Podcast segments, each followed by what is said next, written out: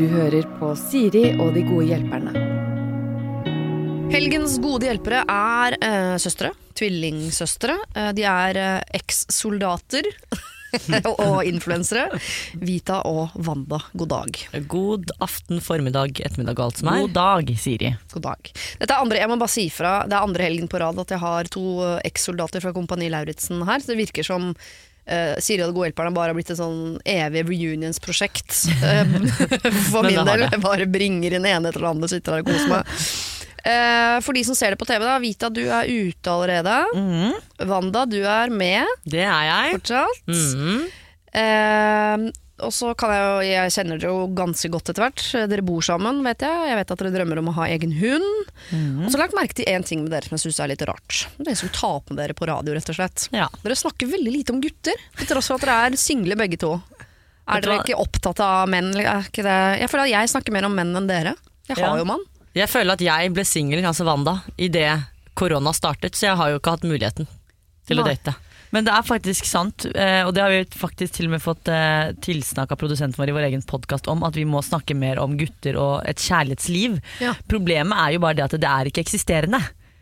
Nei. Nei. Nei, men dere nevner aldri sånn 'oi, han var kjekk', eller 'han var deilig', eller gjør så- kanskje ikke det? Jo, jeg gjør det, men det er så urealistisk at jeg tror ikke folk tenker over det når jeg f.eks. sier at han er kjekk. Ja, vi er litt sånn der 'Å, Jon Almaas er så jævlig digg'. Det, vi er der, det er liksom ikke en vanlig mann på gata, da.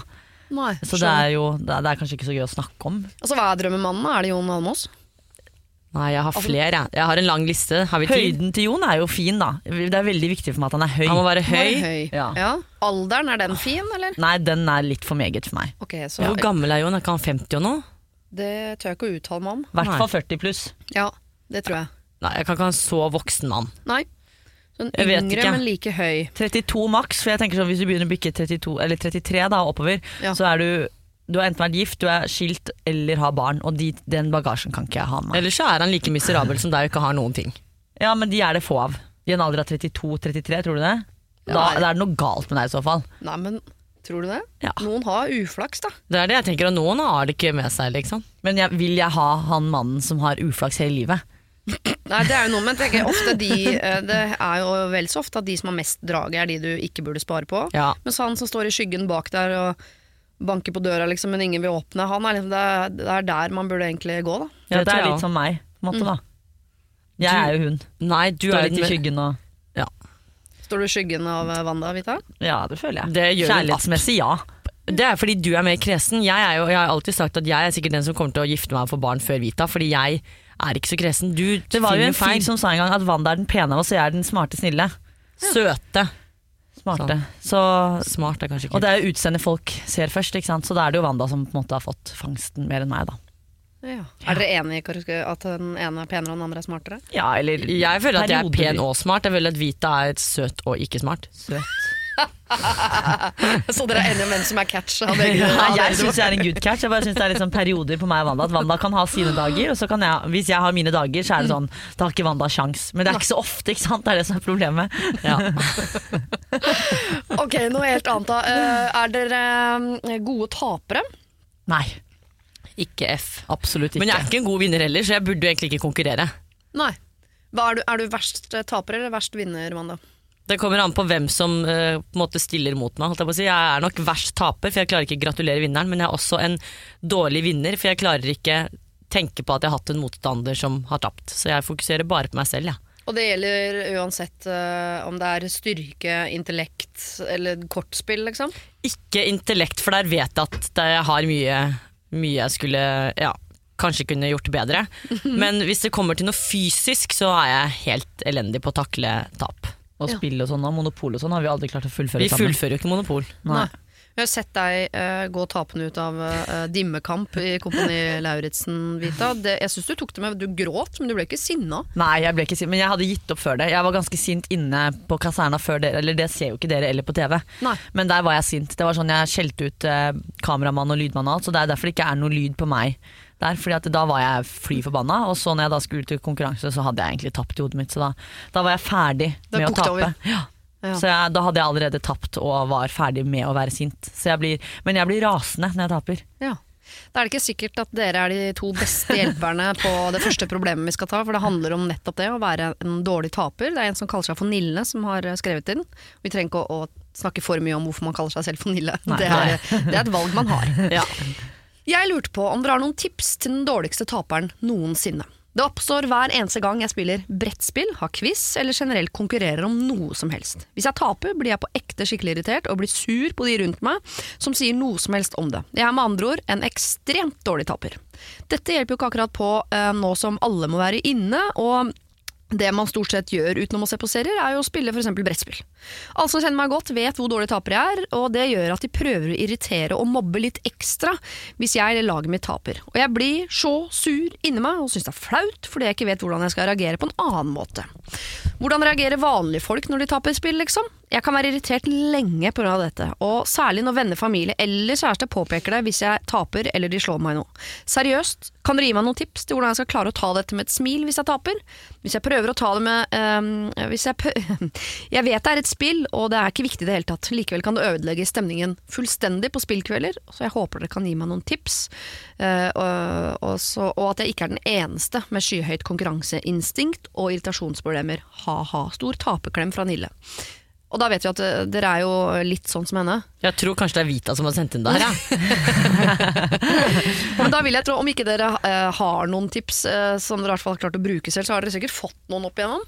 Ja, altså Nå føler jeg faktisk at hun her er eh, way beyond i forhold til det jeg sånn jeg er. For jeg er bare sånn i kampens hete, men så kommer jeg meg fort over det. Ja. Men det virker som om hun også tar dette videre, pluss at hun lar seg provosere. Det gjør ikke jeg.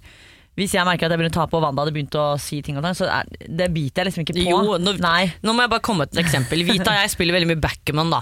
Ja. Og det er jo sånn, eh, Vi har blitt oppvokst med å spille det, litt komplisert, men vi tror jo begge to at vi er verdensmestere.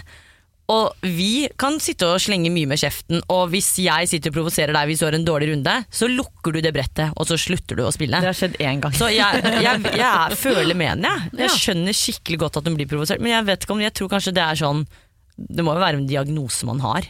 Man kommer seg vel ikke over det. Jeg har aldri kommet meg over det å være dårlig taper. Nei, men Hvis du skal få bort det der med at folk driver og, irriterer og mobber litt ekstra Jeg kan jo skjønne at fristelsen er stor hvis man vet at man har liksom, en eh, potensielt illsint Mm, okse ja. i rommet. Så er man jo fysen på å se hvor mange ganger man kan poke borti før det klikker. Ja. Liksom. Kan man ikke fake det sånn, sånn at i hvert fall det forsvinner? Så man tenker sånn Å ja, det går ikke å tirre opp hun lenger. Jeg tenker jo at man Der må hun kanskje holde en maske og bare late som at det her biter jeg ikke på. Og så er det greit å bli sur fordi du taper, men ikke bli sur for at noen mobber deg for at du taper. Jeg tenker man kan ta e at hun arrangerer en spillkveld, ja. Ja. Og så har hun innstilt seg, gått mentalt inn for at dette her er den ene kvelden jeg faktisk skal på en måte få til og ikke bli provosert. Okay. Og så lar hun folk bare kaste ting på, så kan hun teste seg selv. Det blir en sånn trening. Så får hun se da om dette her funker. Og så kan hun begynne sånn smått og sikkert. Jeg tror hun må innstille seg mentalt på at dette her, dette her er kvelden hvor jeg ikke skal bli provosert. Kanskje hun skal, eh, uten at de andre vet om det, arrangere en slags parallell konkurranse med seg selv, som er eh, at man går inn i en spillkveld og så tenker man sånn I dag skal jeg tape. Det, altså, mi, mitt indre mål er at jeg skal tape denne konkurransen. Med andre ord, Når du taper, da, så har du jo vunnet. For det er det Ja. som er din plan. Og ikke bare skal jeg tape, men jeg skal altså på en måte vinne kvelden ved å ikke være dårlig taper. At det er det som er drit i, om det er et sjakkspill eller backgammon eller kurong eller hva som står foran deg. Konkurransen du er med på, som ingen andre vet om, er at i dag skal jeg være en god taper. Det er det jeg tror. Jeg tror vi må jobbe med sånn omvendt psykologi. Ja. Fordi normal psykologi funker ikke for henne, Hun kan jo også prøve bare å vinne. Og alltid vinne, så dette aldri er et problem. Så hvis du bare vinner, så er det jo ikke et problem. Kan du ikke bare vinne, da? kan ikke bare bli helt rå i alt det. Men det er jo å være urealistisk. Jeg tenker at Hvis hun er realistisk, så går hun for den første planen om at hun altså øver seg på det å tape og være Ja. en god taper. Ja. Fordi det er seieren, da. At det er målet. Det er hvis hun får til det målet, så har hun jo egentlig vunnet.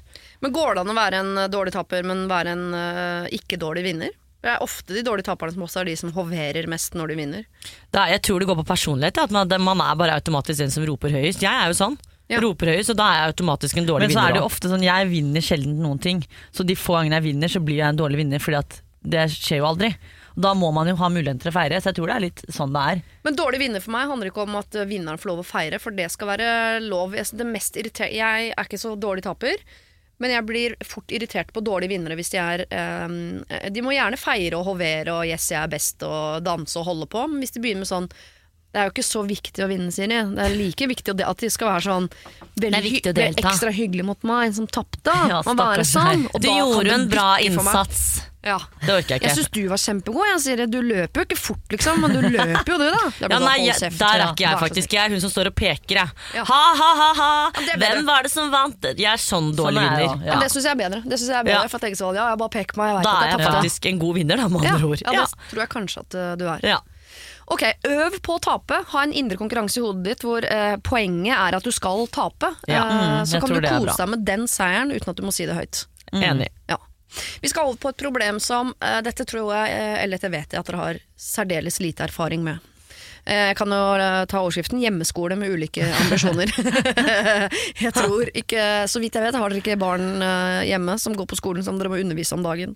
Det slipper vi heldigvis. Ikke som jeg vet om, i hvert fall. Nei. Nei. Eh, her er det to ganger hjemmeskole. Altså, de har eh, to barn, og de er to voksne som har 100% hjemmekontor. Eh, og da har det dukket opp en ny utfordring i livet. Skoleopplegget vi eh, følger, eh, det har da barn i tidlig barneskolealder, forskjellige trinn. Relativt rigid og har flere innleveringspunkter i løpet av dagen. Vi voksne har delt dagene mellom oss, slik at det er formiddagslærer eh, mens den andre jobber, og så er det ettermiddagslærer mens den første jobber. Og dette fungerer jo. Men utfordringen ligger i at vi har helt forskjellige ambisjoner for hvor nøye vi skal være med skoleinnleveringene. Jeg mener at dette ikke er så viktig, at det må være greit, at ungene ikke får topp utbytte av skolen akkurat nå, men den bedre halvdelen mener at vi må følge opplegget til punkt og prikke. Hvis ikke risikerer vi merarbeid senere og mer oppfølging fra skolen osv. osv. Jeg syns det fører til unødvendig mye stress for ungene, og selvfølgelig for meg selv. Dessuten skulle jeg gjerne tatt noen kjappe jobbtelefoner i min læretid, og da hadde det vært fint om ungene bare kunne lese litt, eller drive med nettbrett osv., som ikke nødvendigvis står i opplegget, da. Hilsen Gunnar. Skjønner jeg, er far, så Ja. han tenker sånn, kan ikke Ja. bare gå litt uh, Far har ferie, han nå. Ja, han har litt ferie. Ja. Ja. Han er i dvale. Ja. Ja. Eller han har lyst til å gjøre sine ting, da. mm. Han Ta jobbtelefoner og sjekke mail. Han vil er ikke være lærer. Det er jo det. Det er det. Det skjønner jeg jo. Men hva, hvordan øh, øh, Altså, hvem ville dere vært, liksom? Vanna, ville du vært øh, Er du far eller mor her? Jeg er nok mor. Ja. Og Ja. det er nok fordi jeg elsker at ting er på stell og litt sånn rutiner. Mhm. Så jeg tror nok at jeg hadde holdt Og så er det jo litt sånn hvis man har mål man kan følge, og det er det som skal inn, så føler jeg at det er litt lettere for meg å forholde meg til. For da vet jeg at det her er det som skal gjøres, så slipper jeg å tenke selv. ja. For da vet jeg at ok, nå skal de ha norskinnlevering, da er det norskinnlevering, i stedet for at jeg skal begynne å eksperimentere med ting jeg ikke kan. ikke sant? Så jeg hadde nok Jeg tror jeg hadde gjort det på den måten, ja, at jeg hadde fått det til fordi jeg hadde hatt noe å følge. ja. Tror jeg, da. Jeg er litt far, ja, men det er for Ja. jeg føler altså, Jeg er litt mer egoistisk, og det er det jeg føler han også er. Han trenger litt den der lille tiden for seg selv og gjøre sine ting, og da glemmer han viktigheten i det med barna. Uh, så jeg tror Jeg, jeg skjønner far litt, ja. og jeg tror også at det går an å møtes på midten. At man kan løse dette sammen. At Du trenger ikke å ha et regime med skole, og du trenger ikke å ha den derre lille slacken. At man kan møtes på midten. Da. At begge parter kan være enige at nå vil far ta tre telefoner, da kan mor steppe inn. ja. Ja, og Kan man ikke ha friminutt eller sånn kort, kort friminutt akkurat når far plutselig må ta en telefon, da? Jo, de skal jo ha fri, de skal jo på en måte ha en slags vanlig skole. Ja, Der er det friminutt og gym, og det er en del ting de skal faktisk klare på egen hånd og sånn. Nå er de jo øh, ganske små disse her, da, tror jeg. Tidlig barneskole, ja. Ikke sant? Sikkert sånn første og tredje klasse eller noe. Men da skal det være ganske enkelt. Er det ikke sånn én pluss én og to pluss to? Jo. Og jo, sånn, men det er i hvert fall da du må, er det ikke da du i hvert fall må følge med, ellers så kan jo de barna plutselig bare løpe rundt i stua og leke med dukker og hva er det man leker med om dagen? da? Ja, det er vel dukker, kanskje. Ja. Ja. Så jeg skjønner at det er viktig at man holder et øye med dem, men jeg tror det er viktig at man kanskje planlegger litt mer at i dag så må det være rom for at far kan ta to-tre telefoner, eller Ja. at man kan ha litt mer sånn man må ja, jeg tror nok det er vanskelig uansett å holde det til et sånn skoleregime når det er hjemme. Ja. Det er noe at Barna er ikke dumme, de skjønner at de ikke sitter ved skolebenken. på en måte Ja. Så man får heller gjøre noe litt sånn morsomt, men gjennomførbart for alle parter. Ja. Og så tror jeg, bare snakker av egen erfaring, som jo også har uh, to barn hjemme som jeg prøver å undervise. Men jeg har ikke jeg noe jobb jeg må gjøre i tillegg, da. For helt Nei, det er- men det er jo det som er problemet går. Men jeg merker at eh, de få gangene jeg prøver å sjekke mail, for eksempel, da. eh, da er jeg en ganske dårlig lærer, for da er jeg ikke til stede. Så da irriterer det meg hvis de spør om ting de lurer på. Så Mm. Ja. jeg tenker sånn, Nå er mamma opptatt, ser dere ikke det? da? Mamma Ja. prøver å maile, liksom. Eh, mens hvis jeg legger bort egen PC og bare er 100% til stede på uh, lille gangetabell og hva det nå måtte drive med, så går det veldig fint. Så jeg tenker at det er de der jobbtelefonene hans som ødelegger. Ja. Jeg tenker Ja. at Hvis de skal være rigide på noe, så skal det være rigide på at når du er lærer, så er du lærer. Ja. Og som lærer så har du ikke lov til å ha på telefonen. Og det må arbeidsgiveren din eh, bare eh, godta. Mens når du ikke er lærer, da eh, er du da er i telefon hele Da må du sitte i telefonen kontinuerlig. Enig. Så, uh, Jeg har jo aldri sett Jeg kan ikke huske at læreren vår på barneskolen satt med telefon Nå vet jeg ikke om det fantes telefon på den tiden. Men da, vi er bare 28 år. Eh, Jo, jo, men jeg husker bare at vi fikk vår første Siemens A50 med sort-hvit skjerm i femte klasse, så jeg vet Ja, ikke om ja, det fantes noe på barneskolen. Det var kanskje barneskolen. ja. Eh, men poenget var at jeg tror ikke de satt med en sånn Motorola-telefon og spilte Snake eller et eller annet. Nei. Så det må kunne gå an, å ikke tror- bruke telefonen. Jeg tror ikke det er lov, faktisk. Nei. Nei. Nei, så tror jeg kanskje at arbeidsgiver også nå har litt mer forståelse for situasjonen overfor denne faren. Mm. Eh, at ting er som det er om dagen, og da må det være rom for at han også ikke er tilgjengelig på telefon en viss tid. Jeg legger den helt bort. Ja. Og setter på, jeg tror man kan sette på sånn Jeg har ikke funnet ut av det selv, men jeg eh, har en venninne som jeg har alltid en melding til, så får jeg sånn automatisk tilbake sånn 'Jeg kjører bil!' Ja. Svarer deg senere. Hun kommer opp automatisk. Det kan du velge når du har sånn nattmodus på telefonen, så kan Ja. du legge inn masse innstillinger på iPhone. Ja, det burde han gjøre. Kan, ja. sånn 'Jeg har hjemmeskole, ringer etterpå'. Ja. Og så må man bare ikke ha den telefonen Folk i nærheten. har jo forståelse for det. Det er jo ingen som kan bli sure for det. Nei, og så er det snakk om kommunikasjon både mellom arbeidsgiver og far, og familie og far. Sånn at hvis det er en dag hvor han på død og liv må ha telefonmøter den tiden, så kan de bytte om. Ja, da kan mor da og kan mor steppe inn Ja. i Ja. 10 minuttene eller 20 minuttene eller hva det er. Enig. Og gjør de tingene dere skal, som skolen har sagt at dere skal gjøre. Det må dere gjøre. Det er på en viktig. Ja. Du vil ikke ha eh, to barn eller ett barn som faller ut. Nei. Nei, for Det kan jo øh, foregå fram til etter sommeren, for alt vi vet. Og så kommer du dit, og så har alle andre gjort det de skal i månedsvis, så kommer de inn og er helt, altså, ramla bakpå. Ja, tenk å ta trinnet det er skummelt. Må gå tredje om igjen. Å herregud. Og du er ett år eldre. Det er barns verste mareritt. Pappa satt i telefonen, skjønner du, så jeg, jeg, Jeg må ta tredje klasse på nytt igjen. Ja. Hæ? Pluss, hva er det for? Jeg aldri hørt det. Du vil ikke være den faren. Nei, du vil ikke være den ungen heller. Nei, det vil du i hvert fall ikke. Oi, oi, oi. Nei, eh, gjør det du skal. Hvis ikke så kan det hende at du har to barn som må gå uh, om igjen, og en uh, kone som flytter videre. Uh, Ja, det tror jeg. Ja. Det kan skje.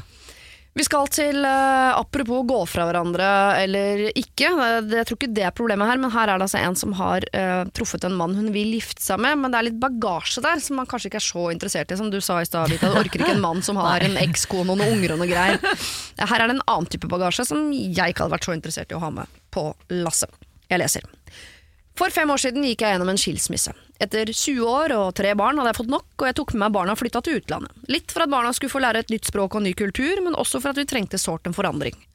Vi slo oss til rette her. Barna begynte på skole, og de fikk nye venner, og livet var godt. Jeg tenkte ikke tanken på noen ny mann i det hele tatt. Jeg bare koste meg med ungene. Men så etter to år så skjedde jo det at jeg traff en mann, da. Og det begynte ganske casually, vi var venner, men etter en lørdagskveld med litt å drikke, så ble vi plutselig noe mer. Jeg skjønner hva det betyr. Nå har vi vært sammen i snart tre år, og han er min store kjærlighet. Jeg har aldri følt meg mer elsket og mer tatt vare på i hele mitt liv. Han er verdens beste. Han er glad i barna mine, og de er glad i han. Han er nesten for god til å være sann. Og det eneste han vil, er at vi skal gifte oss og leve resten av livet sammen. Så hva er problemet da, kan man nesten si? Vel, her er det. Landet vi bor i er relativt øh, konservativt. Det vil si at fram til man gifter seg, så bor man hjemme med foreldrene. Uansett hvor gammel man er. Så min kjære han er 40 år og bor hjemme hos sin mor. Han driver sitt eget lille firma og tjener greit, så det er ikke noe bekymring, men at han fortsatt bor hjemme hos sin mor, er en bekymring. Han lager ikke mat, han vasker ikke klær, han gjør ingenting hjemme. Moren gjør alt. Jeg vil ikke ha en partner og enda et barn å ta vare på, og som om ikke det er nok, så er det nok eh, sånn her at eldstesønnen må ta vare på sine foreldre. Det vil si at dersom jeg gifter meg med han, så må jeg også innfinne meg med at svigermor flytter inn sammen med oss. Det vil da være jeg som må bære mesteparten av ansvaret, da han jobber relativt lange dager. Det er absolutt ikke noe galt med moren hans, men jeg hadde ikke orka å bo fast sammen med min egen mor engang. Jeg vet ikke hva jeg skal gjøre, det er liksom ikke noe jeg kan snakke om heller, det er sånn kulturen er her, og det fins ikke noe alternativ. Skal jeg akseptere hele pakka med alt det innebærer, eller skal jeg gi slipp på min store kjærlighet? Bare tanken på å miste han gjør så vondt at den er nesten umulig å tenke. Er jeg bare egoistisk, kanskje? Kall meg Leia. Fy faen. Ja. Jeg ble bare mest nysgjerrig på hvor i verden de befinner seg. Det er ikke Sverige. Nei, jeg regner med at det kanskje var i Midtøsten, jeg. Ja, Ja, tror du det ikke det? tro. Jo. Ja. Men det er jo litt irrelevant, fordi de er jo stuck der. Men det her er jo helt sykt. Ja. Jeg er helt Altså, Samtidig som det er helt vanlig. Ja, det Men er for jo oss er det det. helt sykt. Ja. Ja. altså Jeg tenker jo at jeg skjønner at det er et dilemma, fordi dette er tydeligvis hennes store kjærlighet. Men det hun må tenke litt på, er er det verdt å gi slipp på denne store kjærligheten, eller er det verdt å være gift og bo sammen med en mann pluss mor resten av livet? Jeg tenker at han er 40 år og bor fortsatt hjemme. Det skal ganske mye til å forandre hans Ja, han ikke- han tankesetting og vaner. Mm. Hvordan skal du få en 40 år gammel mann til å begynne å vaske klær? Lage mat. Eller ikke være avhengig. Han kommer jo til å Det fine er jo Han har sikkert masse respekt for moren, så han kommer til å ha masse respekt for henne òg. jo, men, ofte sånne menn setter ofte mor moren ja, Så jeg kan se for meg at hvis de begynner å diskutere, eller det er en liten diskusjon om hvem som skal vaske hjemme, da, eh, så kan han gå og sladre til moren sin hvis de plutselig har en diskusjon. Du vil Ja. jo ikke ha det. Nei, men samtidig, altså Det første problemet hun eh, skisserer her, er jo at han ikke er i stand til å vaske klær og, og lage mat og sånn, fordi han alltid har bodd med sin Ja. mor. Ikke sant? Det, det er vanskelig.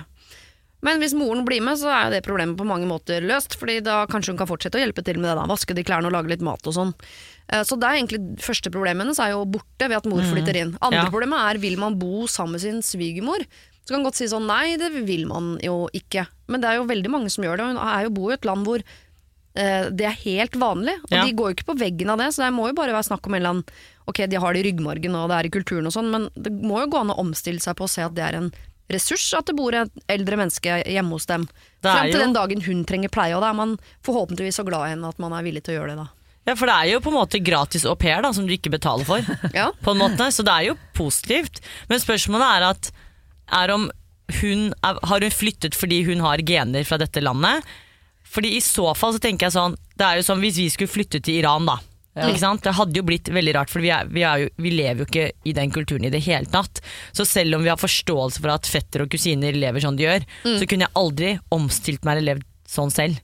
Nei. Så spørsmålet er, har hun flyttet dit bare fordi hun syntes det var et eksotisk og kult land, eller har hun dratt tilbake til røttene sine eksempel, og syns, kan hun venne seg til kulturen? Ja. Eller er det helt sånn banalt? Men det jeg syns er litt skummelt her, er jo at selvfølgelig det er jo veldig sånn positivt å ha med eh, eller moren hans, da, som kan bidra med det ene og det andre. Men det som kan bli skummelt, er jo hvis hun skal begynne å mene ting i det forholdet. Da. Hvis han eller hun krangler med mannen sin, og så kommer moren inn og skal begynne å mene ting. Da kan det fort skjære seg litt. Og Ja. da kan det fort bli at moren tar jo naturligvis alltid da parti til sønnen, mest sannsynlig, vil jeg tro. Ja.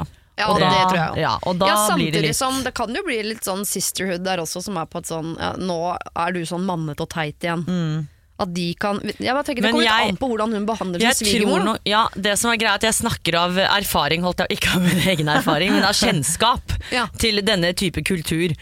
Eh, det kan være alt fra eh, slektninger da, som har opplevd eh, noe sånt nå, Mhm. hvor sønnen og moren er sykt knyttet, så du kommer ikke unna, tror jeg. Hvis dette her er Midtøsten, så er mor og sønn så sykt knyttet at du blir liksom tredje hjulet på vogna. Du Ja. slipper ikke til. Nei, for jeg, det frykter jeg også, at ved å prøve å sette seg imot dette, så taper du nok uansett. Fordi han har moren på sin side, yep. de har hele familien i ryggen. Er, du har deg og barna dine, den kampen vinner du ikke. Så jeg tenker at uh, det vil være bedre å prøve å omfavne den kulturen enn å jobbe mot den, for da er Ja. virkelig du er én mot røkla, Ja. liksom. Og heller se på det som en ressurs, men kanskje går det an å krydre den med noe sånn at man tar en sånn uh, Midtøsten-kultur uh, med et dryss av Skandinavia, hvis du skjønner. Ja, sånn, ja. Selvfølgelig skal svigermoren din bo hos oss, det er jo uh, rett og rimelig. Men kan vi prøve å, å bygge og bo på en måte som gjør at hun får sin egen avdeling i huset? Så at ikke hun alltid sitter i liksom, treseteren sammen med de to. alt. At hun er liksom oppå de hele Ja. tiden. For det er til og med vanlig her hjemme at man har en slags form for generasjonsbolig hvor uh, besteforeldre bor i samme hus, men kanskje en annen etasje, har en egen inngang. At man kan gjøre det Så lenge hun ikke blir en del av selve forholdet, på en måte, så burde det jo kunne gå. ja, Hvis da denne moren da skal på en måte begynne å mene ting i forholdet og alltid være liksom tredjepart i det forholdet, så kan det bli skummelt. Ja. Så så lenge de klarer å skille det, at hun er mor og hun kan bo her og det og det, men hun skal ikke mene det og det i vårt forhold, ja. så burde det vel kunne gå greit, tenker jeg. Ja, men da tror jeg man må begynne med sånn eh, Jeg eh, respekterer og beundrer denne kulturen og denne måten å leve på, så det skal vi selvfølgelig Ja. gjøre. Man må virkelig sånn eh, Det Du må må man si. slikke her, altså. Ja, her er det så må man snike inn noen sånn, men hva med for eksempel når vi krangler, så, så, så har jeg behov for at du ikke blander deg. Ja, at man ja. bare sniker inn noen sånn eh, andre regler etter hvert. Spørsmålet er om det er lettere sagt enn gjort. Jeg syns Ja, du kanskje burde megle med sånn hver sin advokat eller noe. Skrive under kontrakter eller noe. Du er der. Ja, men altså god stemning når man bringer inn advokater. «Heia, veldig formelt. Eller bare sørge for at de gifter seg, gifter seg så får han eh, oppholdstillatelse i Norge, så flytter de til Norge. Og så blir moren igjen i det landet. Ja. Åh, da har hun frarøvet liksom hele familien. Han, han er eldstesønnen, det er han som skal Da, forsørge. da er det jo Da Eller bare si vi skal til bry på bryllupsreise til Norge, så bare blir de. tilbake. Det går jo. For Ja, eksempel. eksempel. Sørge for at passet Oi, passet Jeg vil, ja, jeg vil at du skal er. besøke min familie, og de holder jo til i Norge, så du må bare bli med. Mm, Midt oppå Hardangervidda på en eller annen utflukt, så er det sånn Passet ditt, hvor er det? Det Helt forsvant. Kjempeplan. Ja. Ja. det er ikke så dumt. Det skal jeg viderebringe til Leia. Ja. Men eh, vi skjønner at det, er. Det er ingen av oss i dette rommet som har veldig lyst til å flytte hjem. Selv om jeg faktisk i fjor var det vel foreslo at vi skulle flytte og bo sammen med svigermor, bare så du vet det. Oi, du gjorde det, ja. Du Ja. tok den. Men ikke i samme hus, men på samme tomt. På Ja, måte. det er jo for så vidt greit. et eller annet sted i hodet mitt så tenker jeg at det kan være jævla hyggelig hvis man går inn med den innstillingen. Jeg tror det er fordi at du tenker da har du barnevakt alltid tilgjengelig. Nei, men det viser seg faktisk uh, gøy at jeg sitter med statistikk på dette, for det er ikke så ofte jeg gjør. Men uh, eh, at de som bor sammen med eh, foreldre i, i generasjonsbolig, er de som har minst barnevakt. Fordi Oi. de føler at de er på vakt hele tiden. Så i tillegg skulle sitte en lørdag kveld, er litt uaktuelt. Ja. Så det er ganske, eh, Man mister en del barn, men man får den derre 'jeg stikker på butikken, slipper å avtale med noen'. Ja. Ja, nå har jeg så store barn at jeg hadde ikke trengt uansett, men jeg tror, jeg tror hvis man går inn med riktig eh, innstilling her, så kan dette bli ganske koselig. Ja, ja. Jeg tror det blir helt veldig på- lite koselig hvis du, er, hvis du blir for Skandinavia nå og sier sånn Nei! Vi Det skal bo sånn, du får Ja, ikke det tror jeg ikke går. Ja, nei, da går det til Men det er det er nok viktig- kulturkrasj her, altså. Ja. Det kan nok oppstå. Men det er nok viktig at hun også er litt tydelig på noen ting som hun forventer av å gå inn i dette. Ja. Så møtes de på midten. Men hun må nok gi litt etter med tanke på at hun har flyttet dit, og det er jo der hun er nå. Ja, Møtes på, om ikke midten, så på sånn godt over på hennes side i forhold til midten. Fordi du Mm, bor jeg og lever i den kulturen. Du må på en måte eh, tilpasse deg den, syns jeg i Mm, hvert fall. ja, og så må du snike inn noen av de tingene som er viktigst for deg etter hvert, men ikke gå inn i ferdig kampmodus. Sånn dette er en krig, og jeg skal vinne, og skal være mest mulig europeisk her'. Det, da, den taper du. Den måte. taper du det er bare dårlig stemning. Enig. Så prøv å glede deg til å bo sammen med svigermoren din. Jeg hører selv at jeg ikke tror på den setningen, selvfølgelig. og se hvordan det går. Kan det være noe? Ok, vi skal ta et uh, problem til. Uh, og det er altså da Jeg skal bare velge et problem her, skal vi se. Ja, den her kan vi ta. Det er søsterproblem. Oi, oi, oi, jeg, tror ikke, jeg, tror ikke dere har vært borti det, altså. Eh, og nå må du prøve å sette dere inn i Fordi Petra som skriver inn her Kommer med en problemstilling som på mange måter kan oppfattes som litt sånn egoistisk Men vi må bare forstå følelsen i det Ikke sant? For dette her Ja. er typisk som man sier Herregud, ta deg sammen Men jeg skjønner følelsen hennes i dette Hei, jeg er en jente på 19 år med et stort problem. Jeg vil gjerne være anonym, men kall meg da Petra. For noen dager siden fikk jeg vite at min søster på 16 år har fått en sykdom. Det er en eh, sykdom som er krevende og trenger mye opplæring både av foreldre og andre nære. Dette gjør at foreldrene mine er mye på sykehus og oppholder seg for det meste der om dagen. Søsteren min er til vanlig ganske krevende og har alltid trengt ekstra hjelp og oppmerksomhet, som har gjort at jeg har blitt dyttet litt til siden. Jeg har ikke stoppet å grine siden hun ble diagnostisert, fordi jeg vet at denne sykdommen vil gi henne mye oppmerksomhet og skyve meg enda mer til siden. Nå skal det sies uh, sånn at mine foreldre er verdens beste og har alltid vært der for meg, men det ligger vel mer på det at de alltid gir henne litt mer. Så problemet er det at jeg på en eller annen måte øh, må si dette til foreldrene mine, for jeg vil ikke gå rundt og tenke på dette alene. Jeg vil si dette til dem uten å virke egoistisk, for nå er det jo søsteren min som faktisk har det verst. Så hjelp. PS. Sykdommen er ikke særlig krevende etter en tid, men nå i startfasen er det mye å sette seg inn i. Altså Her er det en søster som har følt seg litt sånn tilsidesatt hele oppveksten, sikkert, fordi søsteren har vært så krevende. Og nå blir det enda mer av det, og det har jeg lyst til å si fra om. Skjønner dere følelsen? Jeg skjønner følelsen. Mm. Og hun sier det også, det er hun, er søsteren som trenger mest hjelp nå. Jeg vet det, men jeg, dette vet jeg er et problem sånn, i familier hvor eksempel eh, et barn har dødd, eller at det har skjedd en tragedie Ja. i familien, og så er det de som er igjen som er sånn Hva med meg? Ja. Liksom. Ja. Jeg er jo her enda, på en måte. Den er litt sånn vanskelig, den der. Men jeg skjønner henne veldig godt, faktisk. Mm. Og så er det noe med sånn Jeg tenker jo sånn i forhold til hun som også er syk, så ville ikke jeg blitt behandlet noe Altså få sånn spesialbehandling fordi jeg hadde vært syk, på en måte. Så jeg tror at det er ikke sikkert hun heller har det dritfett med at foreldrene duller og varter og styrer med henne hele tiden heller. Nei. Så jeg tror nok uansett så må det en prat til her. Mm. For at alt skal bli lagt frem på bordet på hva alle føler til enhver tid. Ja, Ja. det er jeg enig i. Det er litt viktig at hun må få det ut. Og så er det, det er jo foreldrene, og jeg vil jo tro at foreldrene har litt forståelse for det, men at de kanskje er så oppslukt i hun andre nå pga. alt som skjer, at hun Var det Petra? Mm. Blir glemt. Så jeg tror det er lurt at hun tar opp en prat om det, men kanskje hun skal snakke med søsteren først Ja. og si sånn jeg har full forståelse for hvordan situasjonen er, men jeg føler dette. Hva syns du om at jeg tar opp dette med mamma og pappa? Hvordan, hvordan føler du situasjonen er? For jeg vil tro at hun søsteren også føler litt på det at Petra blir glemt, da, fordi alt fokus er på hun syke søsteren nå. Og man vil jo ikke være hun heller, på en måte. Nei, det er det jeg mener med at øh, jeg opp, altså Hvis jeg hadde vært syk, så ville jeg aldri hatt noen spesialbehandling fra venner eller familie. Jeg ville følt, Det er noe med at du føler deg mindre normal. da At å, alle dulmer meg fordi å, stakkars deg. Ja. Så hvis hun tar en prat med søsteren og sier jeg har lyst til å ta en prat med mor og far om dette Det er ikke noe rettet negativt mot deg, men det er det jeg føler. Hva syns du om det? Og Ja, hva Ja. tenker du om at mamma og pappa er sånn? Føler du det sånn? Og så kan de to bli enige, for da føler jeg at det kan være lettere for Peter å ta det med mamma og pappa også når hun har søsteren i ryggen. For, ja, for det er litt eh, fint oppi dette her, eller viktig tror jeg også, at ikke Petra og søsteren blir fiender Ja. som, som kjemper om mamma og pappas oppmerksomhet, men at de på en måte Står de er venner og står sammen i det. For det er ikke sånn at lillesøsteren har ikke bedt om å bli syk. Nei. Og jeg tror ikke det hun dulles med heller, det er nok helt sånn praktiske ting hun trenger hjelp med. Ja. Og når hun ligger på sykehus, så må mamma og pappa reise dit. Og jeg, Mens storesøster Petra hun er 19, hun klarer seg Ja. ja, Og så må man bare huske Petra, at det, det handler jo ikke om kjærlighet. Altså jeg kan jo, øh, Hvis jeg har veldig mye å tenke på eller veldig mye på jobb, så kan jeg noen ganger liksom øh, be barn, nå du, Da sier jeg til barna mine sånn Hodet til mamma er fullt. Det er ikke plass til å verken se på noe eller svare på spørsmål akkurat nå. Jeg er tilbake i morgen, liksom. Når mamma logger av, batteriet til mamma er brukt opp, nå må mamma lade. Altså jeg bruker noen sånne, og da er jeg jo ikke til stede i det hele tatt, bortsett fra rent sånn fysisk.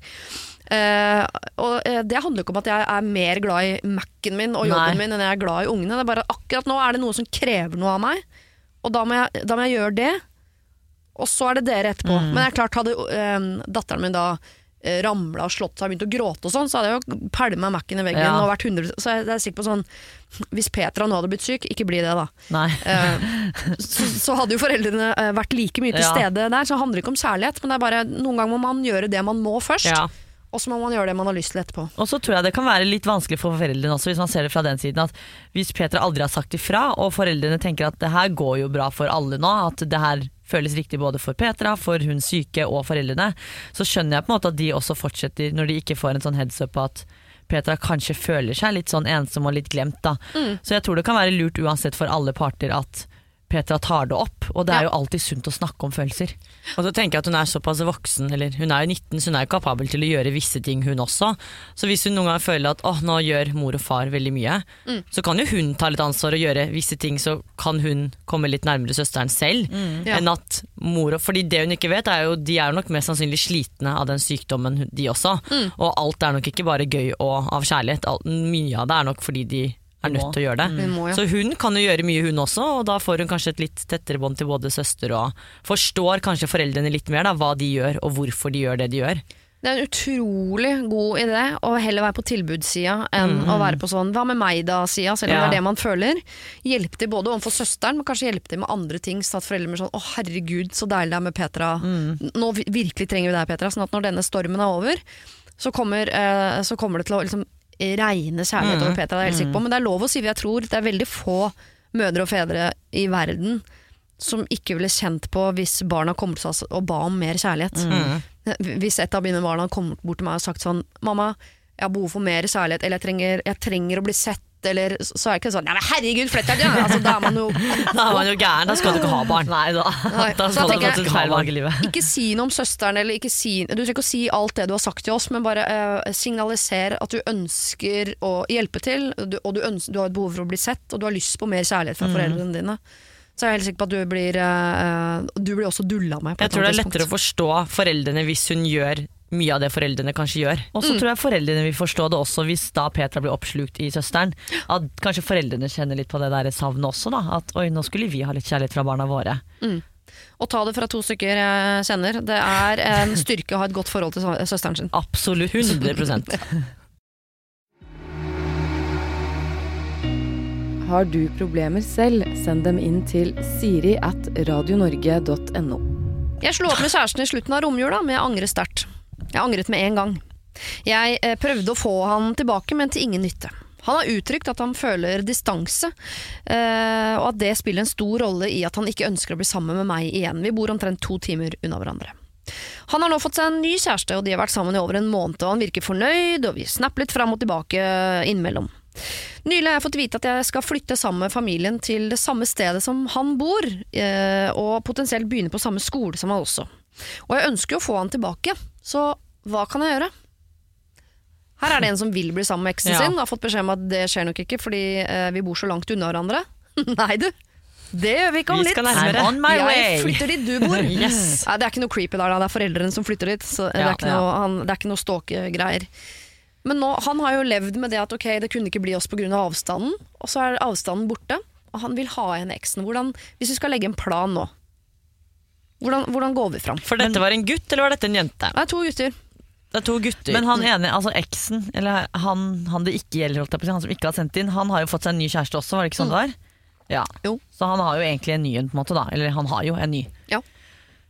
Ja. Jeg må bare si en ting, og det er at dette her er min teori på gutters tankegang, om du er streit eller homofil, og det er følgende at som jeg har opplevd, så har jeg alltid opplevd at gutter gjør det ofte slutt eh, av spontanitet. De gjør det slutt, og så angrer de fortere. Mens oss damer, vi eh, står ofte litt lenger i det. Derfor blir vi ofte dårlig behandlet. Vi, ja, vi gjør det slutt kanskje etter et år, halvt år med lidelse og tenking. Og derfor, når vi først er ferdig, så er vi ferdig. Ja. Så det jeg tror har skjedd her, er at det har kanskje vært en liten ting som han har tenkt på har vært et veldig veldig, veldig stort problem. Som f.eks. avstanden, så har han gjort det slutt. Og så angrer han fordi han skjønner at men det problemet kan jo løses selv om det er to timer unna. Og nå angrer han, men da har det mennesket gått videre.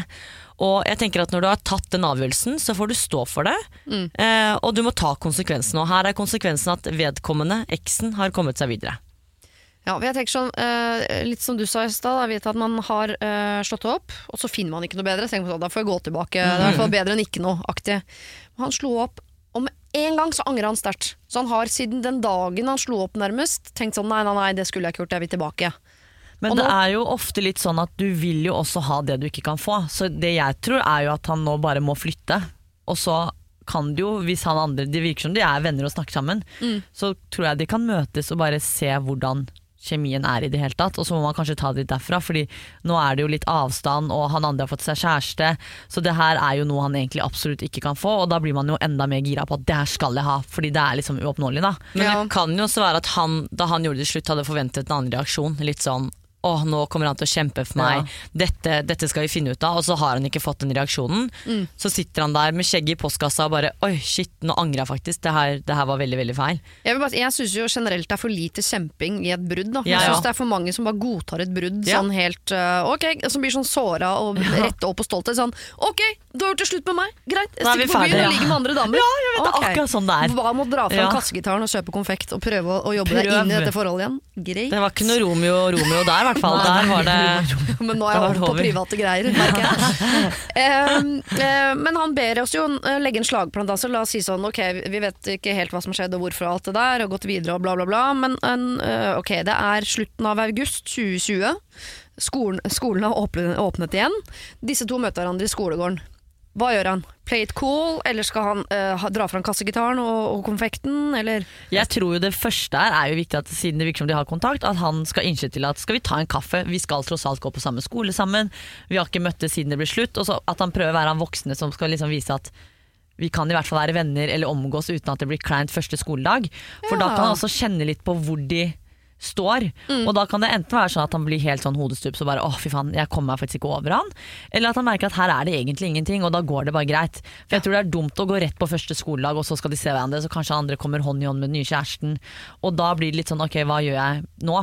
At de kanskje i hvert fall skal møtes før Ja. den dagen. Ja, for jeg tenker at de burde møtes én gang. Og så fyller jeg faktisk etter det jeg har sagt ifra sånn, hvis du føler noe at det er Du, jeg har egentlig ikke kommet meg over deg. For det er jo ikke noe vits for sin egen del å pine seg gjennom et liksom-vennskap når du for hver dag tenker at åh, det her, jeg får sterkere følelser for hver dag som går. Eh, mens han andre bare tenker 'å, for et fint vennskap, det blir bare bedre og bedre'. Så kjenn litt på det første dag, og så er det jo ofte sånn at man tenker at før man har sett en person 'Å, jeg har så sterke følelser, det her er så bra, det her er det jeg vil', og så møter du personen, så tenker du 'hva var det jeg tenkte Ja. med'?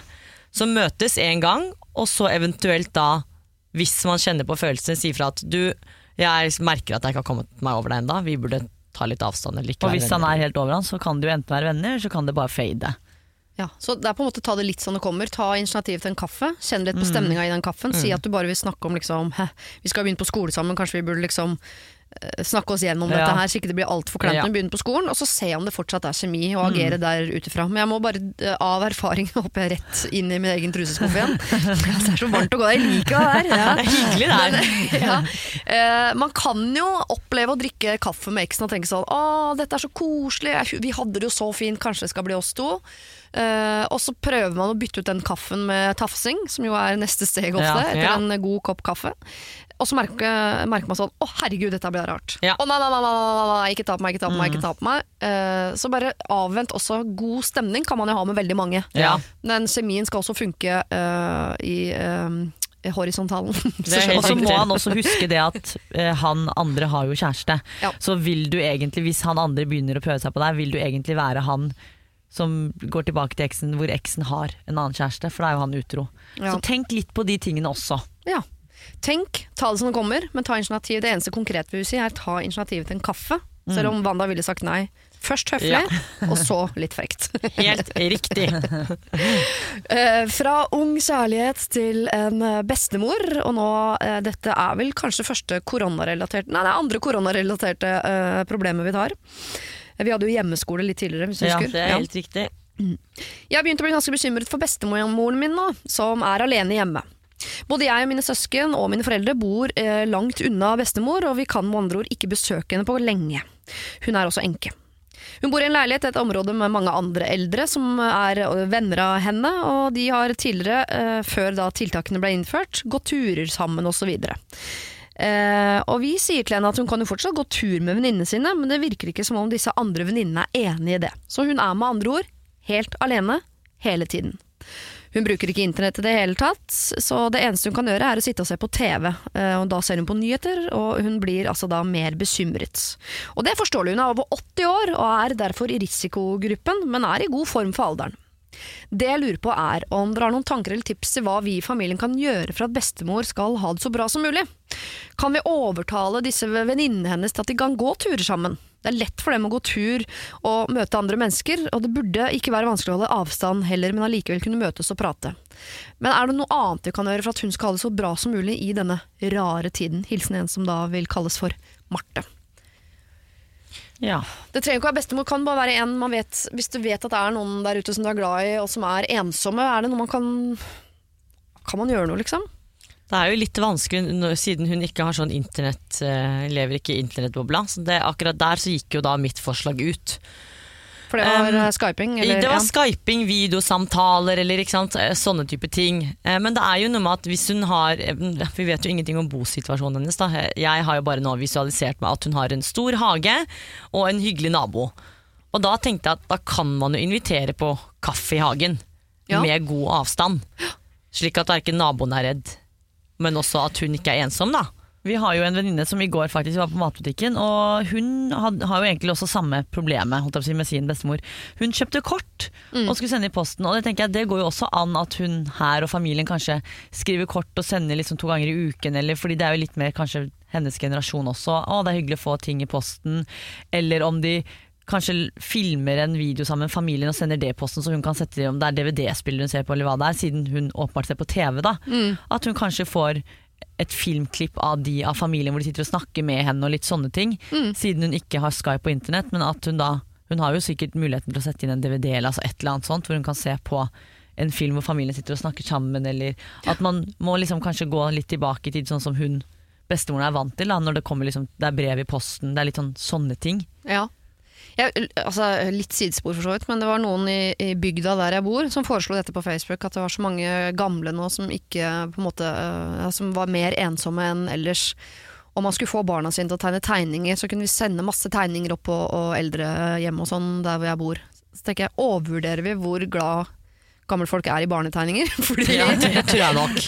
Det er nok mye annet som er mer alltid sånn som folk sier sånn I dag har mamma bursdag, vet du, eller i dag er det morsdag, så da må dere tegne tegninger. Jeg må innrømme at uh, det er jo søtt, men å få sånn busslass med strekmenn og eh, rare sol med smilefjes, liksom, jeg veit ikke helt, ass. Hvor gjør man av alle tegningene, er det store spørsmålet. Papir- Men da kan hun jo bruke tid på det, og plassere alle tegningene. Så hun har jo noe Jo, men altså, det hadde jo kort i seg selv er jo hvis man kjøper et fint kort og skriver mye i det. Fordi jeg tror kanskje at hun bestemoren på 80 år hadde satt pris på det. For da merker man liksom at oi, her har de jo brukt tid på dette. Fordi hun bestemoren skjønner jo også at folk gjør jo ikke dette her til vanlig nå lenger, men det har de brukt tid på for at de liksom skal glede meg. da. Så et kort en gang i uka for eksempel, er i hvert fall, tenker jeg kan være én hyggelig ting. Ja, Eller så kan man jo også eh, ha sånn avtale hvor man ringer henne hver dag mens hun er ute og går tur. Alene. For da tror jo, eller da blir det jo litt sånn at man snakker, når man snakker på, t- eh, i telefon mens man går tur, så føler man jo at man er med noen. Ja. Så hun kan jo gå turer alene hvor det ikke er folk, eller der hun føler seg trygg, og snakke da med familien i telefon. Ja. I hvert fall oppmuntre masse til at ok, selv om ikke venninnen din vil gå tur, så lov meg at du i hvert fall går en tur Ja. hver dag. Så ikke du blir helt isolert inne i leiligheten din eller huset eller hvor Man du bor. Man kan ikke råtne inne, vet du. Og så tenker jeg Det er jo masse sånn småting. Ja, tegn tegninger, sende kort og sånn. Eh, Man kan uh, sende frokost på døra plutselig en dag. Uh, og så er det synd det ikke fins Eller jeg vet at det finnes sånn besøkshjem, men jeg vet ikke hvor populært det er nå. Nei. Hvor det kommer noen innom noe som drar drar på besøk som bor i nærheten. Eller hund. Så jeg så for meg, det burde, Nå burde Ja, det vært et eller annet sted man kunne ja. hente hunder. Man kunne låne en periode. Ja. Uh, gå tur med hund. Eller uh, få en fyr bare til å installere et eller annet på TV-en hennes som gjør at de faktisk kan snakke med henne på TV-en. ja, enig. For, altså, de det- kan jo gjøre mye for henne, selv om de ikke kan møte henne, tenker jeg da. Ja, det, Ja. det føler jeg jo at man kan jo hjelpe henne på andre måter, selv om de ikke kan reise dit. Ja. Sende en sånn IT-fyr hjem til henne og si sånn «Øh, Bestemor, nå kommer en fyr hjem til deg gjør sånn at du får en dings inn på TV-en din som gjør at vi kan snakke sammen gjennom TV-en. Mm. Enig. Så kan Må de se For jeg tror hverandre. ikke man skal eh, gjøre så, Jeg tror ikke det er viktig at man liksom prøver å fokusere på at hun må være avhengig av naboene, fordi det er lost case. De får bare holde på sånn som de vil. Men at Ja. de heller prøver å hjelpe bestemoren til at hun gjør sine egne ting. Så plutselig ser jo de naboene at Oi, men herregud, hun klarer seg, hun går tur. Ja, da slenger vi oss på. Ja. Men jeg tror ikke man skal begynne å pushe på naboen og ringe naboen bare Hei, kan du gå tur med bestemor, eller jeg tenker at Man bare skal la de være, men så kan de heller prøve å få bestemor til å være litt mer altså selvstendig og ikke være De- avhengig av naboer. De kan jo gjennom sånne ukesaktiviteter. Sånn, denne uken så skal du mate fugler, og du skal for eksempel eh, fikse en plante, da. Sånn at hun har ting hun må gjennomføre. Litt sånn lekser i løpet av en uke. Jo, men at Ja, ja. Det er, For da har hun noe gøy å se frem til at denne uken så er det to ting jeg må gjøre, og da ringer de hverandre, så forteller hun at i denne, nei, denne uken så har jeg fått til disse to oppgavene. At eh, ja, dessverre da, med at man lager sånn lekser til bestemoren sin. Ja, Ja, Bare pass på å ikke umyndiggjøre henne. Så hun trenger ikke sitte og tenke sånn Hallo, jeg har klart meg 80 år, liksom. Kom ikke her og lær meg noe som helst. Jeg er ikke, helt, jeg er ikke grønnsak. Jeg tenker sånn, kan man sende sudoku fram og tilbake? Sånn, vi løser én her og sender videre. det, Ja, men det eneste men, som er synd, er hvis hun er dement, for da husker hun jo kanskje Nei, ikke hva hun har får gjort. jeg ikke inntrykk av at hun er. Jeg får inntrykk av at hun er ganske Sunn og frisk og ja, ja, ja. Men jeg syns også de kan si sånn, vet du hva, eh, bestemor. Om eh, tre uker Nei, det var lenge. Om en uke så kommer vi på besøk. Vi skal Ja. ikke bo hos deg, vi skal bare være ute og gå tur. Og så bor vi på hotellet, sånn at hun har et eller annet å glede seg til. ja. Om en uke kommer familien. Da kan hun bruke noe hele uka på sånn uh, Herregud, jeg, ramler så inn i klisjeer med en gang. For nå skal jeg til å si støvtørke eh, porselensdukkene sine. Herregud. Jeg beklager til alle uh, lyttere der ute på ca. 80 år. Jeg vet at ikke alle er sånn. Men du kan i hvert fall eh, pynte litt hjemme og støvtørke og sikkert liksom, uh, pusse glass i vitrineskapet og sånn. For om en uke kommer liksom noen og skal besøke meg, da skal vi gå tur. Ja, Et eller annet. Og det har man jo tid til, og jeg tviler jo på at den familien her også og De har jo sikkert ikke så mye å gjøre, alle er permittert i Norge om dagen. Så jeg tenker sånn, den, de Alle har, har tid til å kalendere. møte. Ja. Du kan kjøre bil tre timer, gå en tur på én time, kjøre tre timer Ja, igjen. ja. det er det verdt. Det har man tid til. I verste fall så slår du opp telt i hagen til bestemora di. Ja. noe sånt. Ok, dere. Vi skal til uh, en tenåringsmor. Uh, hun har to tenåringer, en på 15 og en på 17. Og hun skriver om dem. Eh, de er begge to sunne og friske folk. De trener og spiser riktig, gjør skolearbeid, har venner, og jeg kunne ikke drømt om noe mer. Sønnen min er en sjenert eh, type, mens han er da 15, mens dattera, eh, hun er 17, er mer oppmerksomhetssyk type. Vi har alltid ledd av henne og sagt at hun kommer til å bli skuespiller når hun blir stor. Vakker er hun nå, men det syns vel alle mødre. Nå sier hun at hun kunne tenke seg å være med på reality, og jeg lurer på, skal jeg oppmuntre eller motarbeide? Og det står ingenting om hva slags type reality, det kan jo være eh, veldig mye forskjellig. Det kan det. Ja, ikke sant? Det kan være Ex on the beach. Vanskelig som mor å oppmuntre til det, men det kan jo også være uh, Robinson, for eksempel, som dere var på da. Hva kommer dere til å gjøre når dere får hver deres lille eh, langhårede, mørke skjønnhet på jeg, jeg Mamma var jo helt positiv da vi skulle være med på Robinson-ekspedisjonen, så jeg tenker Det er litt sånn hvor tenker du at fremtiden din skal Hvordan tenker du at den skal bli? Ja. Det er jo noe med det at det, jeg tror nok at det kan være lurt å ta en prat og fortelle litt sånn Det er kanskje ikke så lurt å være med på et program hvor du er naken og slenger med tiss og alt mulig som er, usensurert, og ligger med han og hun og den og den. Men så er det litt sånn forskjell på Sånn som det vi tenkte da vi meldte oss på på Robinson, var at ok, her står det også i bikini, det er mye hud, du viser veldig mye kropp, men det er jo ikke det som er fokuset på lik linje som Paradise Hotel. Nei. Det er jo ingen som kommer tilbakemeldinger på å, du hadde fine pupper på Robinson-ekspedisjonen, fordi der er ikke målet om å gjøre ha størst pupper. Nei. Men det er litt sånn settingen i forhold til hvis hun er med på trash-TV, da, hvis det er lov å si. At der er det et helt annet fokus. Stiller du opp i bikini, så er det det som er fokuset. Ja. Enkelt og greit så er det litt sånn hvor hvor vil hun egentlig hun, altså hun burde, Først burde moren spørre hva, hvilken type reality er det du har tenkt. Ja. For å finne Jeg ut får jo inntrykk av at det er jo mest, Hun er jo 17, var det ikke det? Jo. Så hun er jo mest, Det er jo mest sannsynlig Paradise Hotel eller Ex on the Beach. Jeg tviler på at hun er sånn 'jeg skal være med på Robinson'. Fordi der får du ikke så mye PR på en måte heller. Det er jo Paradise og Ex on the Beach du får mest oppmerksomhet på. I den alderen og så er det jo sikkert hun, Moren sier jo at hun jo, liker jo oppmerksomhet, så det er jo garantert noe sånt noe. Ja. Um, Vil du mor oppmuntre til det? Nei, som mor hadde jeg aldri oppmuntret. Da hadde jeg sagt sånn du mister arven, men det er fordi jeg er så jævlig på de typer programmer. da Og det er litt fælt å si, men jentene, dessverre, får mer dritt av et sånt program enn en gutt. Fordi jeg ser ofte sånn gutter som har vært med på Paradise Hotel som jeg tenker sånn Fy faen, de gjorde en jævlig fet profil, egentlig. Og har på en måte ligget på TV og så er med vant. Eller er gjort sånn, enda villere ting enn det jentene har gjort. ja, og så vunnet etterpå, så er det sånn, nå er det glemt. Men så ser du en jente som har vært med på Paradise i to uker og egentlig ikke gjort noen ting, så er det sånn, å fy faen, det er hun fra Paradise. Og verden er dessverre sånn. Så jeg tror på en måte at det er skumlere for hun som en jente å være med på sånn type program, enn f.eks. hvis broren hadde sagt det, da, dessverre, fordi verden er sånn. Ja. Så som mor så kunne, ville jeg kanskje heller fått henne til å være sånn Ja, men reality, men kanskje du skal være med på 71 grader nord Eller Farmen Eh, Det er reality det også, de har jo mange seere de også Og det er jo minst like fett Ja, så tenker jeg noe med at det positive her er at hun bare er 17.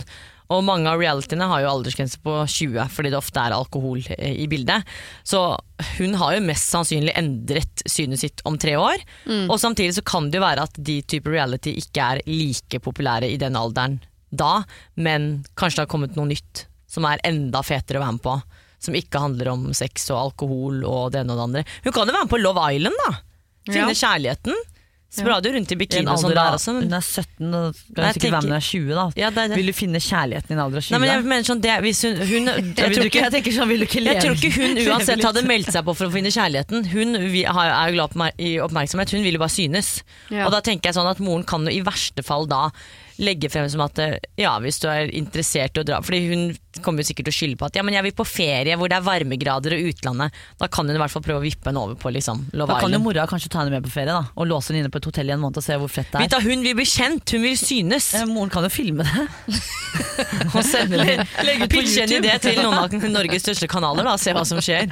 Nei, men jeg tror faktisk at Prøv å få henne i hvert fall med altså, på det sporet hvor at hun tenker mer sånn Farmen 71 At man i hvert fall kan være på reality som er litt sunnere Jeg elsker trash-TV Ja. Men jeg ser jo på det og tenker sånn Hvor er foreldrene? Hvorfor sier ikke foreldrene nei?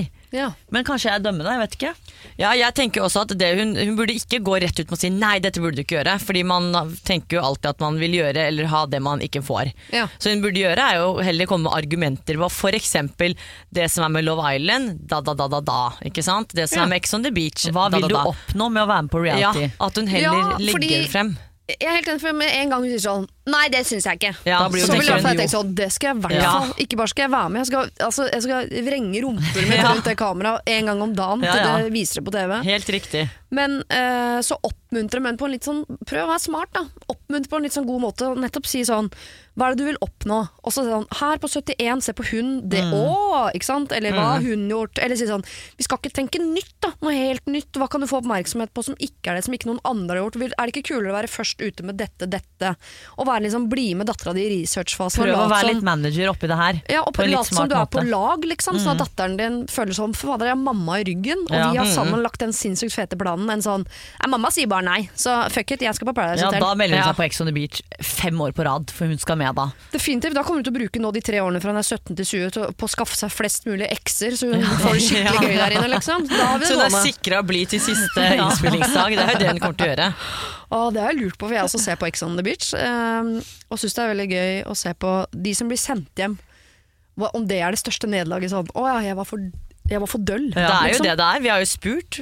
Vi kjenner jo folk som driver med både casting og alt mulig, og de har jo sagt at de, blir, de som blir sendt hjem, blir jo ofte sendt hjem fordi de enten har noen ekser som ikke vil være med, Mm. så kanskje du er en dritfett person, men eksene dine er lame, eller så er det bare at du har ikke vært fet nok. For det er to stykker inn på Ex on the Beach nå som jeg, jeg ser at de er dødskule mennesker.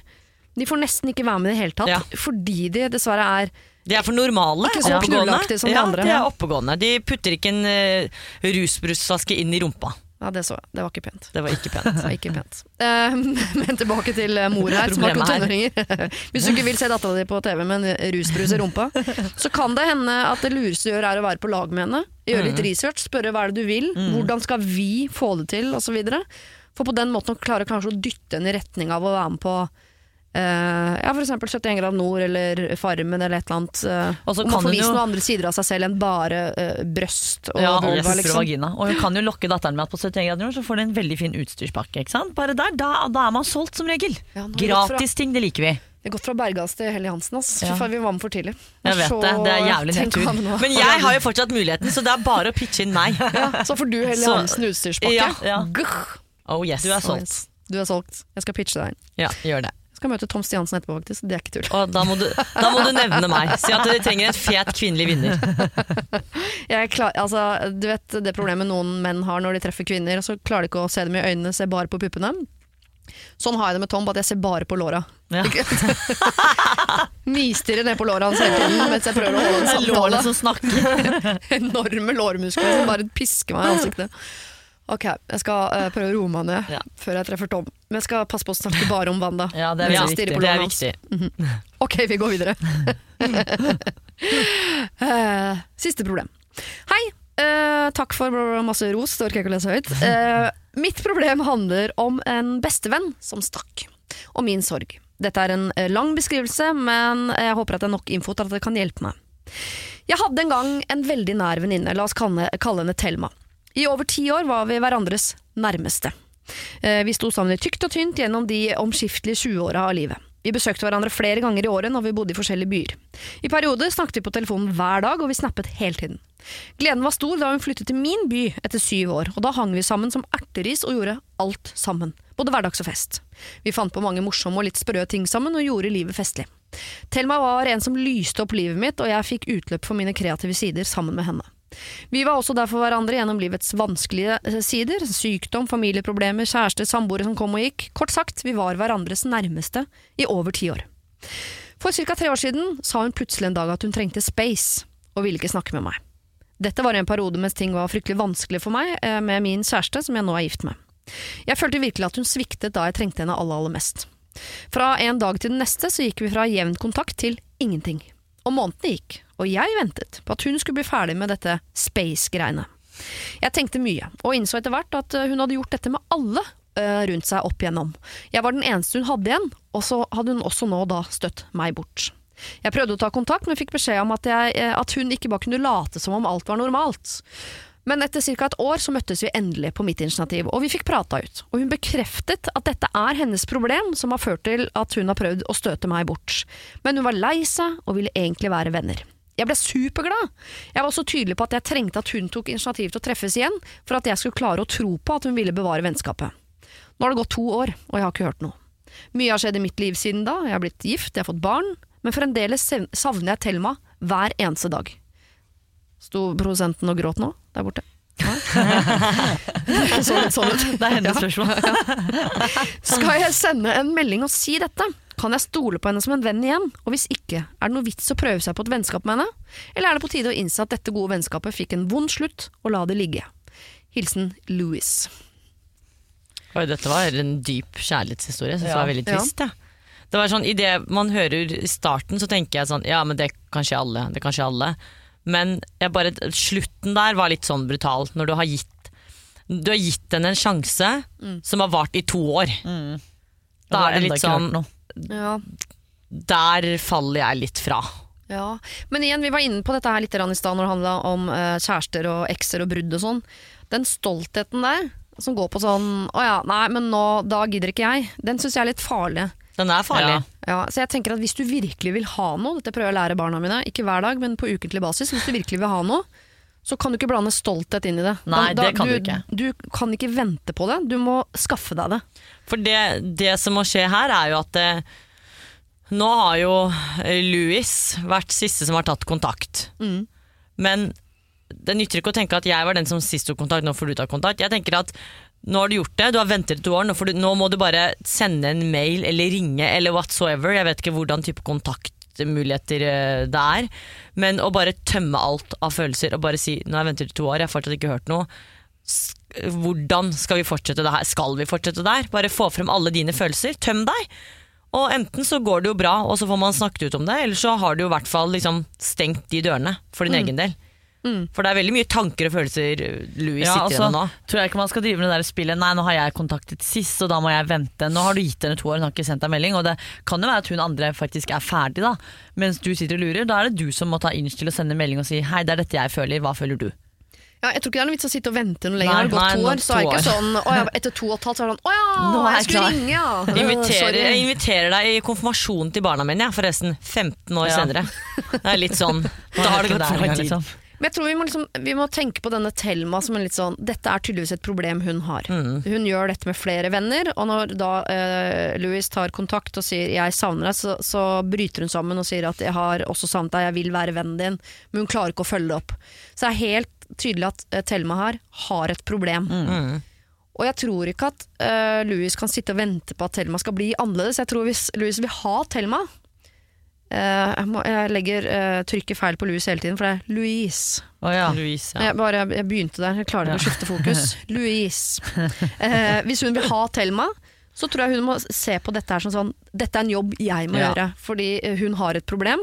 Så jeg ville lagt fram ikke noe anklagelser, bare vært bare på tilbudssida. ja, jeg òg. Savner sagt, deg. jeg savner deg fortsatt hver eneste dag, og jeg vet at dette er et problem du har i livet ditt, men jeg er, virkelig, jeg er villig til å jobbe, så hvis du trenger at jeg kontakter deg ofte, så gjør jeg det. Hvor, altså, jeg, jeg vil, jeg, ja. Det er det jeg tenker på, at den døren må enten åpnes eller lukkes, for nå er det så mange, veldig mange spørsmål og følelser i lufta som man ikke får noe svar på. Men det kjipe her er jo, men på en måte litt bra òg, at hvis hun svarer Thelma svarer tilbake med at nei, jeg trenger space. Men det er sånn, hvis du har hatt space i 150 år, så er det kanskje på tide at den døren lukkes. Ja, det føler jeg, for du kan faktisk ikke bruke så mange år på å sitte og gruble og vente. Men nå er det sånn space over hva? Dere har ikke hatt kontakt på to år. Det jo, det, da snakker vi jo verdensrommet, da, på en måte. Ja. Uh, altså ikke space, men space! Space! uh, jo, men jeg tror, jeg tror ikke hun, hun kommer ikke til å ta kontakt. Nei. Og jeg tror hun, fordi hun syns det er vanskelig, men det betyr ikke at ikke behovet er der. Så jeg synes det hadde vært fint jeg, hvis uh, Louise hadde faktisk vært den første vennen som klarer å bryte gjennom. Ja. Hvis dette er noe Thelma gjør hver gang sånn, og det blir nært vennskap, nært vennskap, brudd, så trenger hun en Louise som ikke godtar det bruddet. Ja. Så sier sånn, jeg hører at du sier at du trenger space, det får du ikke. Men så jeg skal være oppi fjeset ditt Ja. til du lærer å elske meg. Alt sånn. Jo, men det blir jo litt sånn, og så føler jeg nå at hun Louise har jo Nå har hun jo levd med dette her såpass mange år at jeg føler ikke at den fallhøyden er så stor uansett hvis hun blir avvist igjen av Thelma. da Fordi nå har hun på en måte gått gjennom dette før, så hun vet hvordan det er å leve uten henne. Men hvis hun vil leve med henne, så må hun faktisk ta tak i det selv. Fordi det er jo tydeligvis ikke sånn at Thelma gjør det. Så da, hvis Louise vil, så må hun ta tak. Og hvis hun blir avvist av Thelma, greit, jeg har blitt avvist av deg så mange år uansett.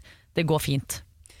Ja, ikke ha noe stolthet på det. Og Nei. ikke sitte på et gjerde og vente, fordi det, og det er så viktig i vennskap. Jeg får ikke sagt det mange nok ganger. Hvis man ønsker noe vennskap, så kan du ikke sette deg på et gjerde og vente. Det er ingen som plukker deg opp. Det er det som er greia, at hun vil jo. En ting er hvis du er lei og tenker at nå har jeg prøvd så mange ganger, jeg har sittet på pinebenken i to år, jeg får ingenting igjen. Da må du bare la det ligge, for Ja. da er du lei. Men her er, jo, her er jo problemet det at hun vil jo. Hun vil jo fortsatt selv om hun har prøvd, og da må man drite i det at du var den siste som prøvde. Da må du prøve igjen og igjen og igjen. Og for all del, da, det du kan legge frem på, er jo det at du gjør det for din egen del. Drit i at du gjør det. Fortell meg at du gjør det for deg selv, Fordi nå har du tenkt i to år på Ja, hvor blir det av den meldingen. svar. Så Ja. du trenger svar. Jeg gjør det her for meg selv. Gi meg et svar. Det, er det minste hun kan forvente å, få. Men jeg ville vært fryktelig forsiktig med å legge noen forventninger på Thelma, selv om man øh, ideelt sett skal kunne det. Men uh, Thelma bare slår meg som en jente som er sånn Hvis du legger noen forventninger på meg nå, Så er eller det noen krav, ja. det er, da, det er da jeg trenger space. Ja. Og, jeg skal ikke, og det er nok ikke tilfeldig hvor hun hoppet av heller. For hvis, Thelma, nei, hvis Louise var i en periode i livet hvor hun trengte Thelma Ja. ekstra mye, så kan det hende at Thelma var sånn Dette blir for Nå ble jeg kvert, dette orker jeg ikke. Og da trengte hun faktisk space, og så syntes hun det var flaut å, å komme tilbake igjen etter den perioden, Mm. for hun veit ikke hvordan hun skal ta kontakt. Og jeg bare, uh, igjen legger jeg meg selv inn i dette, men jeg kan sende meg litt igjen i Thelma. Uh, ikke så mye på dette her, men jeg kan noen ganger ha uh, et behov for å teste kjærligheten. Mm. Og hvis, no, hvis jeg, å teste sånn hvor, hvor mye avstand, eller hvor dust kan jeg bli, hvor dypt stikker kjærligheten hos deg, på en måte. Så det kan godt hende at Thelma sier at hun trenger space, men det hun egentlig trenger, er at du ikke gir henne det. For hun er vant til når hun sier 'jeg trenger space', så får hun det. Mm. Og så forsvinner vennen. Det hun egentlig vil, er at du skal si 'jeg elsker deg for mye til å gi deg den spacen', altså, så den får Ja, du ikke av meg. Så jeg er her Jeg er her uansett. Ja. Jeg kommer til å stå her tykt og tynt. Uh, og jeg venter på deg, og jeg kommer til å ta kontakt. Jeg kommer til å be deg på kaffe, helt til du faktisk blir med. Hun Det- har jeg rota seg opp i noe. Ja. Jeg tror hun har rota seg opp i noe hun egentlig ikke kommer seg ut av. Ja. Ja, men det kan jo også være motsatt, og at Thelma faktisk er ferdig med dette vennskapet. At hun tenker sånn Vi har vokst fra hverandre, men så er hun konfliktsky og tør ikke å si det. Absolutt. Og dette er hennes måte på å si vi er ferdig. Men da syns jeg i hvert fall at Louise kan sende en melding eller ringe og si 'jeg trenger et svar'. Mm. Det, er- det syns jeg hun på en måte kan forvente litt òg, Fordi et svar må du kunne få. Det kan liksom ikke være avbrekk to år mellom hver gang. Nei, Det blir jo litt sånn, Man mister jo ganske mye av livet til hverandre. jeg tror bare Thelma trenger Louise, og Louise savner tydeligvis eh, Thelma, så hvis de klarer å liksom eh, hvis Louise klarer å være den vennen som får med seg Thelma videre Mm. i livet, så tror jeg det er en kjempegevinst i andre, måtene, i andre enden. Men jeg tror det er en jobb du må gjøre. Men hvis, og i hvert fall for Thelma er dette en kjempegevinst for henne også, for hun er sikkert vant til å bare ha venner i noen år, og så går hun videre. Ja, Og så er det ingen som følger opp. Nei, ikke sant? Om en gang man trenger space, så får man space. Fordi man er har bedt over- om det. og over så- på en ny. Ja. Nei, Louise, her, eh, ikke eh, putt stolthet inn i dette. Ta kontakt. Si det som det er. Si at du savner henne fortsatt. Si at du er villig til å vente på henne. Eh, si at du kan gi henne space igjen, men at du vil ha henne i livet. Eh, hvordan kan jeg ha deg i livet mitt? Ikke bli gæren, da. Høres litt gæren ut, ja, faktisk. ikke bli psykopat. ikke bli psykopat. Du har faktisk en mann nå. Og så på et eller annet tidspunkt så må du respektere at hun har bedt om eh, eh, space, men da syns jeg nesten du skal presse henne så langt opp i et hjørne at hun må si sånn Nei, vet du hva, jeg vil ikke ha deg i livet mitt, for jeg liker ikke deg. Ja. Men men jeg tror kanskje hun må presses ganske godt opp i et hjørne før hun tør å si akkurat det. Ja, virker sånn. Ja. Sannheten må frem. Sannheten må frem, dere må møtes igjen. Thelma trenger sin Louise, og Louise trenger sin Thelma. Det betyr ikke at dere skal sette dere i en bil og kjøre ut for et stup, hvis Nei, noen tar den det- eh, referansen. Det skal ikke ende sånn. Er dere gamle nok til å ta referansen? Nei. Vita? Nei. Jeg, jeg er med på Romeo og Julie. Er det eldre enn Romeo og Julie? Nei, det er det oh, ja, det er ingenting ikke som er. Da Da er det bare at jeg ikke har sett Nei, det. det, det er ikke fra Da, steinalderen. da det er det. bare at jeg ikke har sett det. Thelma Louise-filmen. Nei. To bestevenninner som er altså, så gode venninner at uh, de velger å dø sammen. Nei. Jo, herregud, jeg føler jeg har sett den faktisk. Men jeg er veldig dårlig på navn på filmer og liksom jeg bare Ting virker Ja. kjent, og så vet jeg at jeg har sett det. De setter seg i en åpen Cadillac og kjører ut for et stup på slutten av filmen. Nei, jeg refererer alt til Romeo og Julie. Ja. Det er det mest romantiske jeg kan. Ja, Du har ikke noe romantikk i livet ditt i det hele tatt, så det gir jo ingen mening. Men Det kan godt hende at eh, Romeo og Julie var inspirasjonen til Thelma Louise, for det er på mange måter eh, samme kjærlighetshistorien, bare at den ene er med eh, romantikk mellom mann og kvinne, og den andre er mellom venninner. Ja. Den må jeg se. er på, det har jeg ikke tenkt på før, faktisk. Hm. Ja, eh, Samme det. Eh, Louise og Thelma, vi vil at dere skal eh, finne tilbake til hverandre, men der ligger det en ganske stor jobb foran, eh, om ikke deres, i hvert fall deg, Louise. Eh, eh, lykke til. Her vil jeg ha en oppdatering. Eh, det glemmer jeg Ja, å si fra ja. men eh, send inn til Siri eh, alfakrøllradionorge.no hvordan det går. Tok du kontakt? Hva sa hun? Drakk dere kaffe? Har dere blitt bestevenner igjen? Uh, har hun foreslått at dere skal uh, dra på bilferie, en åpen Cadillac? Ikke bli med! Og så videre. Disse tingene vil Du vite. Du trenger jo den avslutningen du òg. Du må jo vite hva som skjer. Ja. Ja, det er, eh, vi vil vite slutten på denne Ja. filmen. Mm. Uh, og så vil vi egentlig vite at slutten er bare en åpning til film nummer to, og nummer Ja. tre, og nummer fire, og nummer fem. Eh, Vita og Wanda, har vært uh, igjen fantastisk å ha dere her. Takk det samme, veldig koselig. Ja, det er alltid hyggelig å hjelpe. Wanda, jeg heier på deg, Kompani Lauritzen. Takk, jeg heier på deg også, Siri Kristiansen. Jeg heier på dere begge to. Det blir jo bare bedre og bedre nå. Absolutt. Vi heier bare på hverandre, vi heier ikke på noen andre, vi heier på hverandre bare. Absolutt ingen. Ingen andre som fortjener å vinne. Helt korrekt. Det skal være fire vinnere, men vi heier på to. Det er jo flaks at det er fire vinnere i hvert fall. Da. Ja, jeg heier bare på to. To, to, to. Uh, ja, og så ha en uh, fin helg, da. Takk, det samme! Det var det. Husk å sende ditt problem til siri at radionorge.no om du vil ha hjelp. Denne podkasten er produsert av Rubicon for Bauer.